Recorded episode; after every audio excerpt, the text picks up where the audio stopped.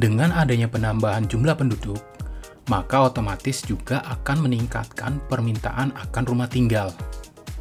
Harga rumah di Jabodetabek rata-rata mengalami kenaikan sebesar 20% tiap tahun.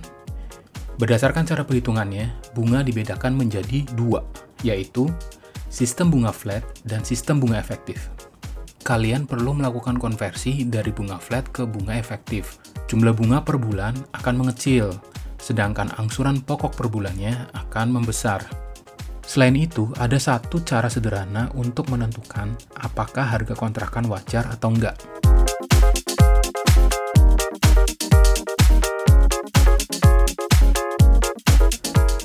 Halo teman-teman semua, senang rasanya saya bisa kembali menyapa kalian melalui podcast ini.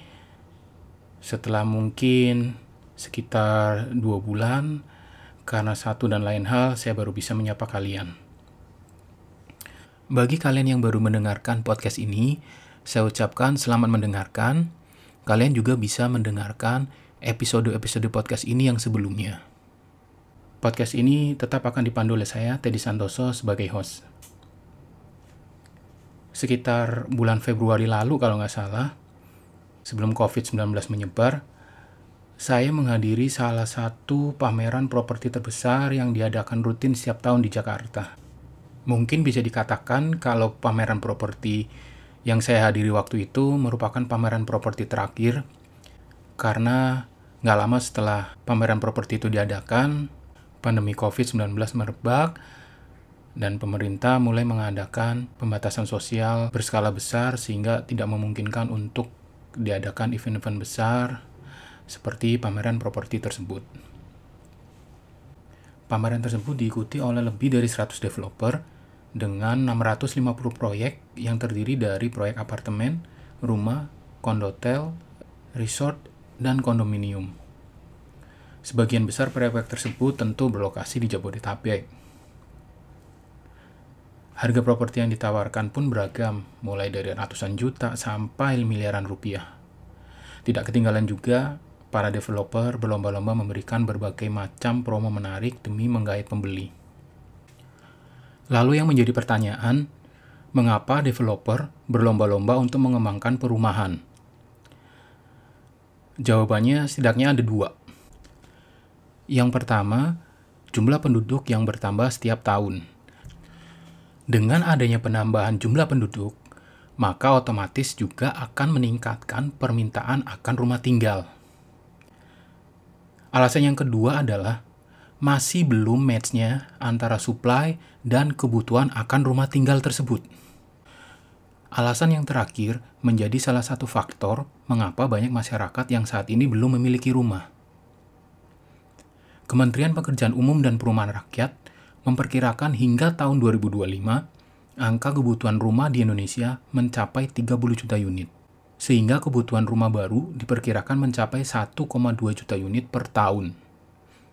Bahkan, pemerintah pun ikut mencanangkan program sejuta rumah untuk mengurangi backlog atau selisih kebutuhan dengan ketersediaan perumahan. Faktor lain yang membuat masyarakat belum bisa memiliki rumah adalah karena faktor harga. Bayangkan teman-teman, harga rumah di Jabodetabek rata-rata mengalami kenaikan sebesar 20% tiap tahun. Prosentase ini jauh di atas kenaikan gaji rata-rata karyawan atau buruh yang nilainya mungkin hanya sebesar 10%. Walaupun demikian, banyak juga masyarakat yang tetap berusaha untuk membeli rumah, salah satunya melalui kredit pemilikan rumah atau KPR. Menyambung pendahuluan saya di atas, pada episode ini saya akan membahas mengenai beberapa tips yang mungkin bisa dipertimbangkan pada saat kalian akan mengambil KPR.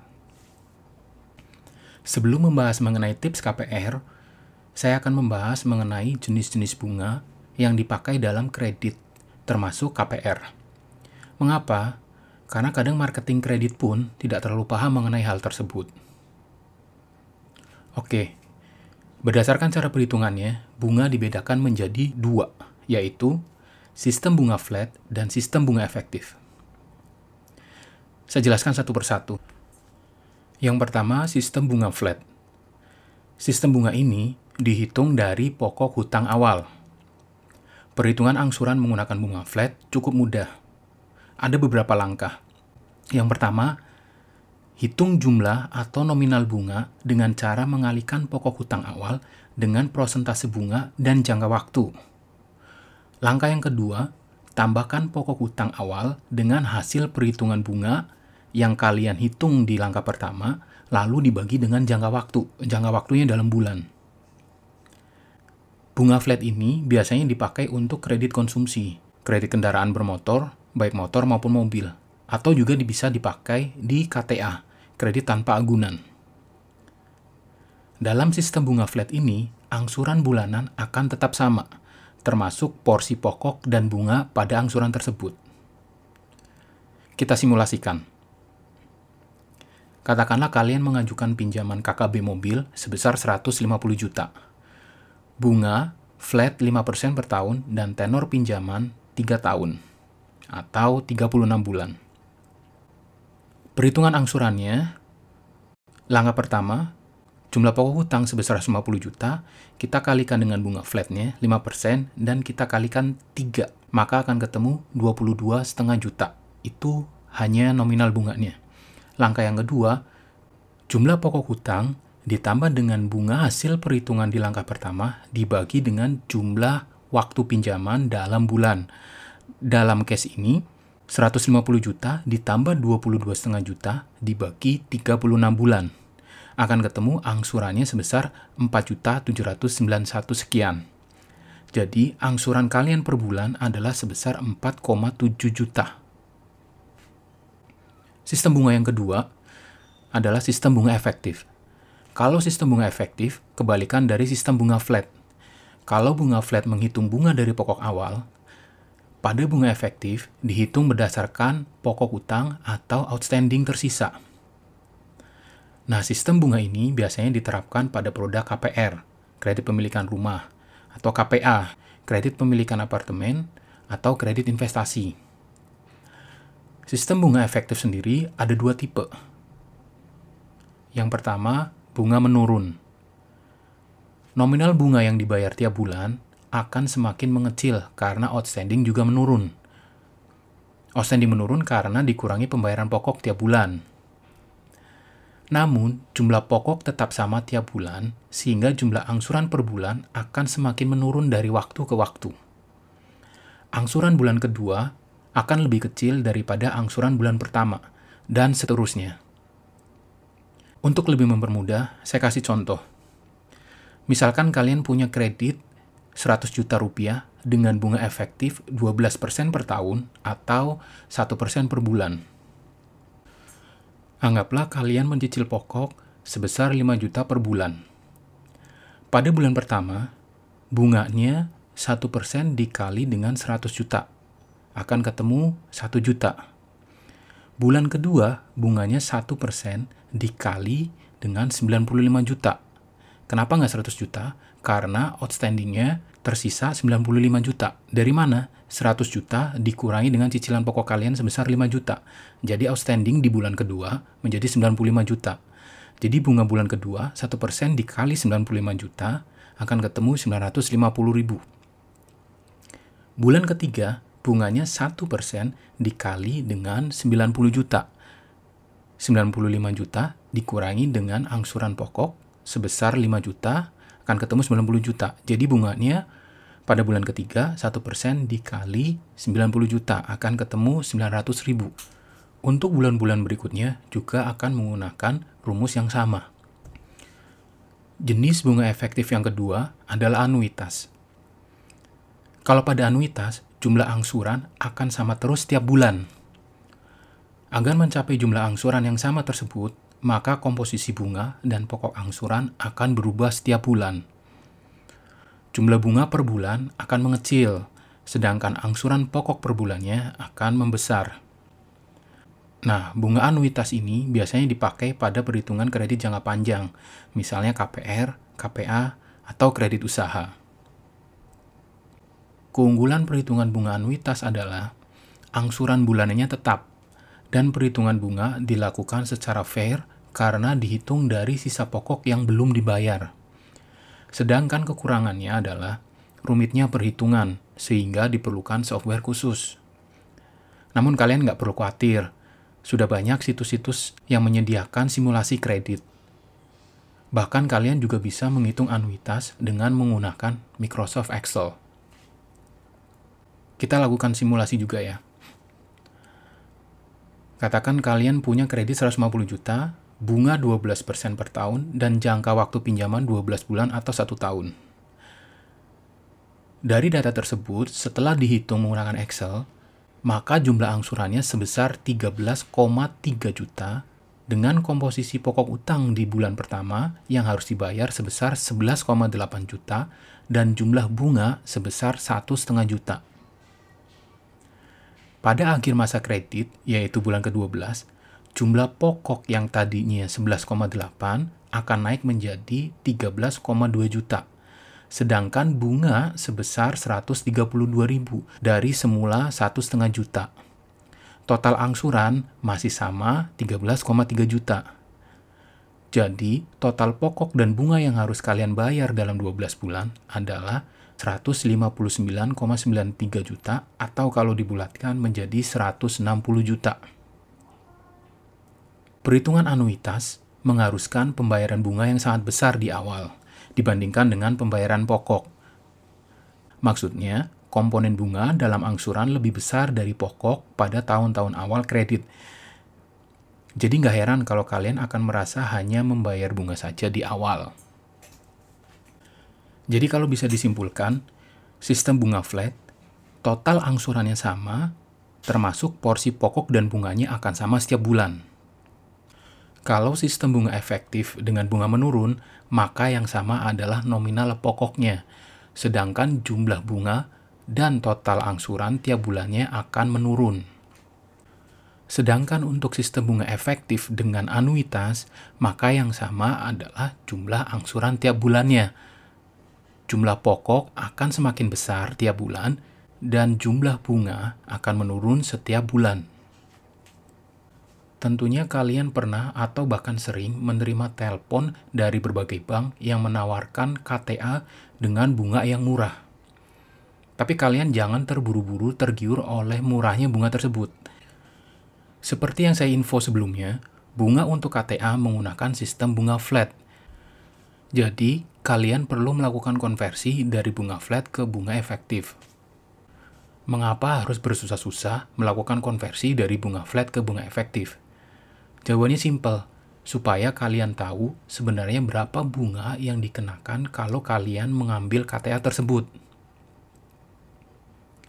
Ada satu rumus sederhana untuk memudahkan konversi dari bunga flat ke bunga efektif. Kalian bisa catat, rumusnya 2 dikali jumlah waktu pinjaman dalam bulan dikalikan dengan prosentase bunga flat dibagi jumlah waktu pinjaman dalam bulan ditambah 1.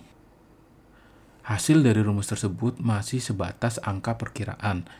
Jadi masih bisa ada selisih antara perhitungan dengan rumus tadi dengan prosentase bunga efektif yang sebenarnya.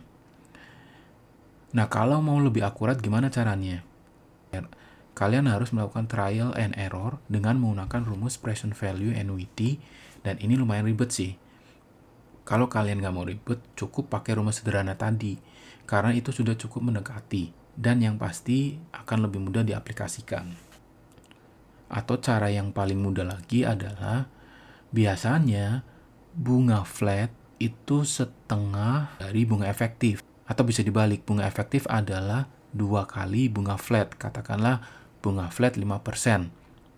Maka bunga efektifnya adalah sebesar 10%. Itu perkiraan kasarnya ya. Mungkin range-nya masih di angka 8 sampai 10%. Kalau tadi berdasarkan cara perhitungannya ada dua, berdasarkan sifat perhitungannya juga ada dua. Yang pertama, sistem bunga fix dan sistem bunga floating. Kita bahas yang pertama. Sistem bunga fix. Sesuai namanya, suku bunga fix artinya suku bunga itu bersifat tetap selama periode tertentu sesuai kesepakatan. Keuntungan sistem bunga ini adalah jika suku bunga pasar atau acuan naik, maka kalian tidak akan terbebani bunga tambahan.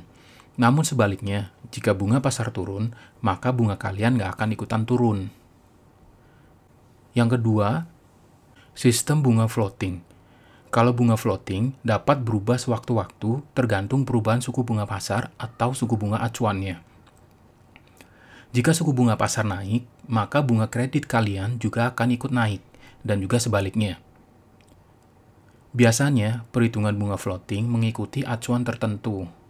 Contohnya, suku bunga floating didapatkan dari BI 7 Days Reverse Repo Rate ditambah 5%.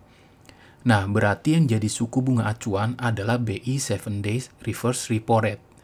Jika bunga BI 7 Days katakanlah sebesar 4%, maka bunga floating akan menjadi 9%, 4% plus 5%. Besarnya bunga floating yang dikenakan bisa berbeda-beda tiap bank, tergantung kebijakan masing-masing. Kedua sistem bunga ini biasanya diterapkan untuk kredit jangka panjang, Bahkan ada beberapa bank yang menggunakan kedua jenis bunga tersebut untuk satu fasilitas kredit. Oke, selanjutnya kita akan membahas mengenai beberapa tips untuk KPR, tapi juga berlaku untuk KPA. Oh iya, tips ini khusus bagi kalian yang memang punya budget terbatas ya. Kalau kalian punya budget sultan sih, bisa suka-suka kalian mau beli tempat tinggal di mana pun, ya nggak? Tips yang pertama, Sesuaikan tempat tinggal dengan kebutuhan dan budget. Pastikan tempat tinggal yang akan kalian beli sesuai dengan kebutuhan dan budget kalian. Terkadang orang-orang membeli rumah dengan harga yang mahal, bahkan angsuran KPR-nya tidak masuk akal, yang akhirnya bisa membuat kredit mereka menjadi macet. Kalau kalian merasa cukup dengan rumah luas tanah 50 meter persegi, ya kalian cukup cari rumah dengan luas tersebut. Jangan tergoda dengan penawaran rumah dengan luas di atas 50 meter persegi dari para marketing developer atau agen properti. Kenapa? Karena harganya pasti akan di luar budget dan biaya-biaya lain seperti iuran pengelolaan lingkungan atau IPL, biaya notaris juga akan meningkat. Tips yang kedua, lakukan riset dan cari beberapa alternatif pilihan. Kalian jangan terburu-buru untuk memutuskan memilih tempat tinggal. Hunting dulu yang banyak untuk cari beberapa alternatif sebagai bahan pertimbangan. Lakukan riset sederhana. Contohnya, kalian bisa melihat rumah contoh untuk perumahan yang masih inden, atau melihat rumah second yang dijual di komplek perumahan tertentu. Selain itu, kalian juga bisa melakukan cek reputasi developer juga. Pertimbangkan faktor lokasi termasuk jarak dari rumah ke kantor dan lingkungan sekitar. Kalau jarak dari rumah ke kantor cukup jauh, maka biaya transportasi juga harus ikut diperhitungkan.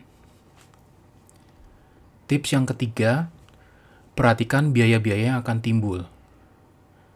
Apa aja sih biaya-biaya yang timbul kalau kalian ikut KPR? Yang pertama biaya notaris. Biaya notaris termasuk akta jual beli atau AJB, akta akad kredit, biaya balik nama sertifikat, biaya peningkatan hak, SKMHT, dan juga APHT. Selain itu, ada pajak pembeli atau bea perolehan hak atas tanah dan bangunan sebesar 5%. Ada biaya provisi dan admin, biaya appraisal, terutama untuk rumah second. Selain itu, ada biaya asuransi jiwa dan biaya asuransi rumah.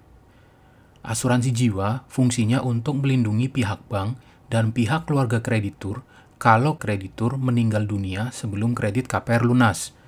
Sedangkan asuransi rumah bertujuan untuk melindungi rumah dari kejadian yang tidak diinginkan. Asuransi rumah bisa berupa asuransi kebakaran saja, tapi bisa juga dilengkapi dengan asuransi sehubungan dengan bencana alam, kerusuhan, dan lain-lain. Estimasi seluruh biaya yang disebutkan di atas sekitar 10% dari harga rumah yang dibeli. Jadi kalau harga rumah yang kalian beli 1 miliar rupiah, maka kalian paling tidak harus menyiapkan uang 100 juta untuk biaya-biaya yang saya sebutkan di atas. Tips yang keempat, DP rumah minimal 20% dan angsuran di bawah 40% dari take home pay. Kalian harus mempersiapkan DP dengan baik Caranya bisa dengan menabung dengan jumlah tertentu, tentunya setelah kalian menghitung berapa kebutuhan DP-nya ya. Selain itu, kalian juga bisa mencari tambahan penghasilan. DP rumah minimal 20%. Semakin besar DP, semakin baik. Tapi tetap memperhatikan kemampuan finansial kalian. Perbesar DP rumah yang bisa kalian beli daripada menurunkan DP untuk membeli rumah besar yang mungkin akan membuat kalian ngos-ngosan dalam mengangsur. Mengapa DP minimal 20%? Dengan harga rumah yang sama, DP 20% akan membuat jumlah angsuran menjadi lebih kecil apabila dibandingkan dengan DP 0% atau 10%. Dengan kata lain, akan meringankan jumlah pengeluaran per bulan dan bisa mengurangi potensi keterlambatan pembayaran angsuran ataupun resiko default atau gagal bayar. Dengan DP 20% akan memberikan benefit karena bank akan menganggap kalian serius, bertanggung jawab, dan mempunyai keuangan yang cukup.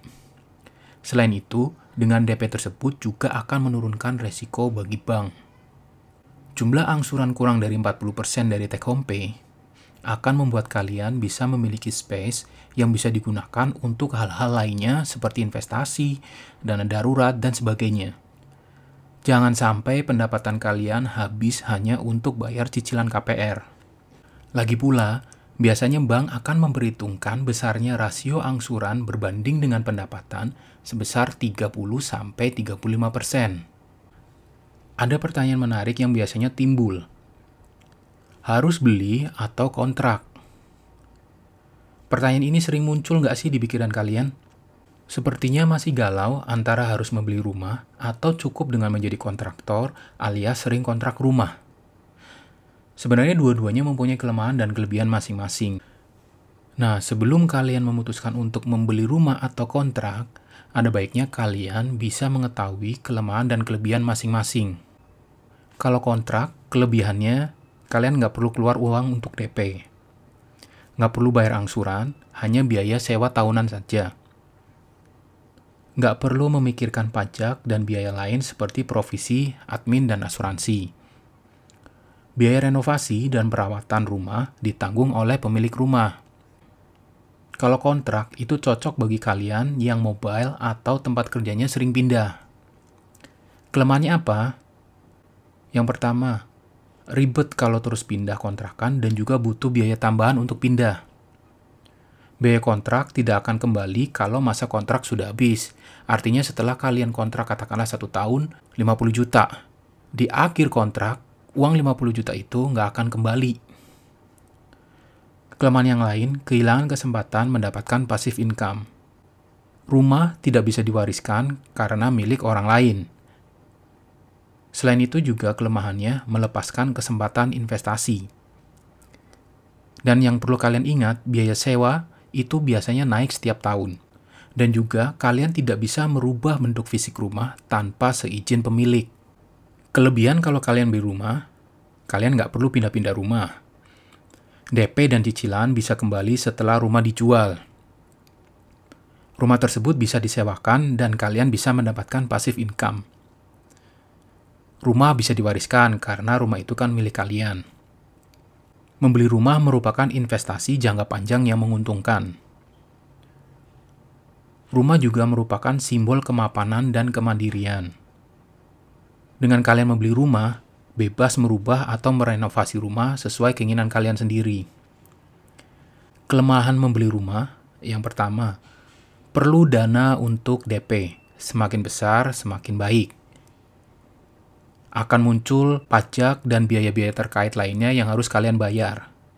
Kalian juga harus membayar angsuran tiap bulan kalau kalian membeli rumah secara KPR.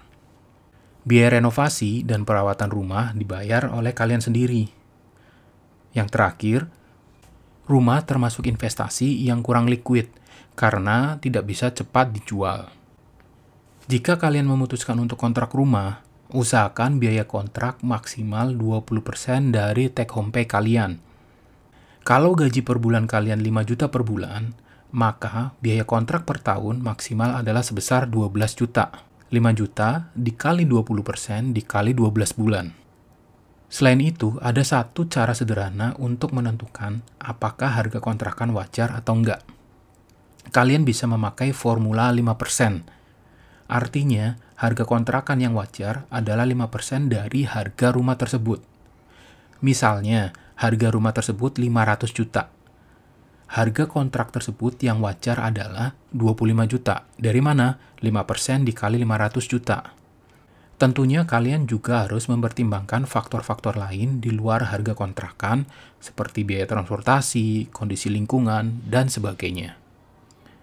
Jadi kalau bisa disimpulkan, tips pertama, sesuaikan tempat tinggal dengan kebutuhan dan budget kalian. Tips yang kedua, lakukan riset dan cari beberapa alternatif pilihan. Tips ketiga, perhatikan biaya-biaya yang akan timbul. Tips keempat, DP rumah minimal 20% dan angsuran di bawah 40% take home pay.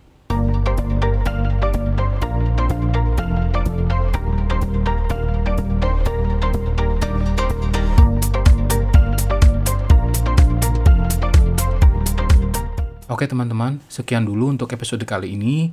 Semoga kalian bisa mendapatkan manfaat dan pencerahan melalui podcast ini. Jangan lupa share podcast ini dan follow Instagram Pintar Keuangan di @pintarkeuangan bagi kalian yang belum follow. Kalian juga bisa bertanya melalui DM di Instagram tersebut. Terima kasih dan sampai jumpa pada episode yang menarik selanjutnya.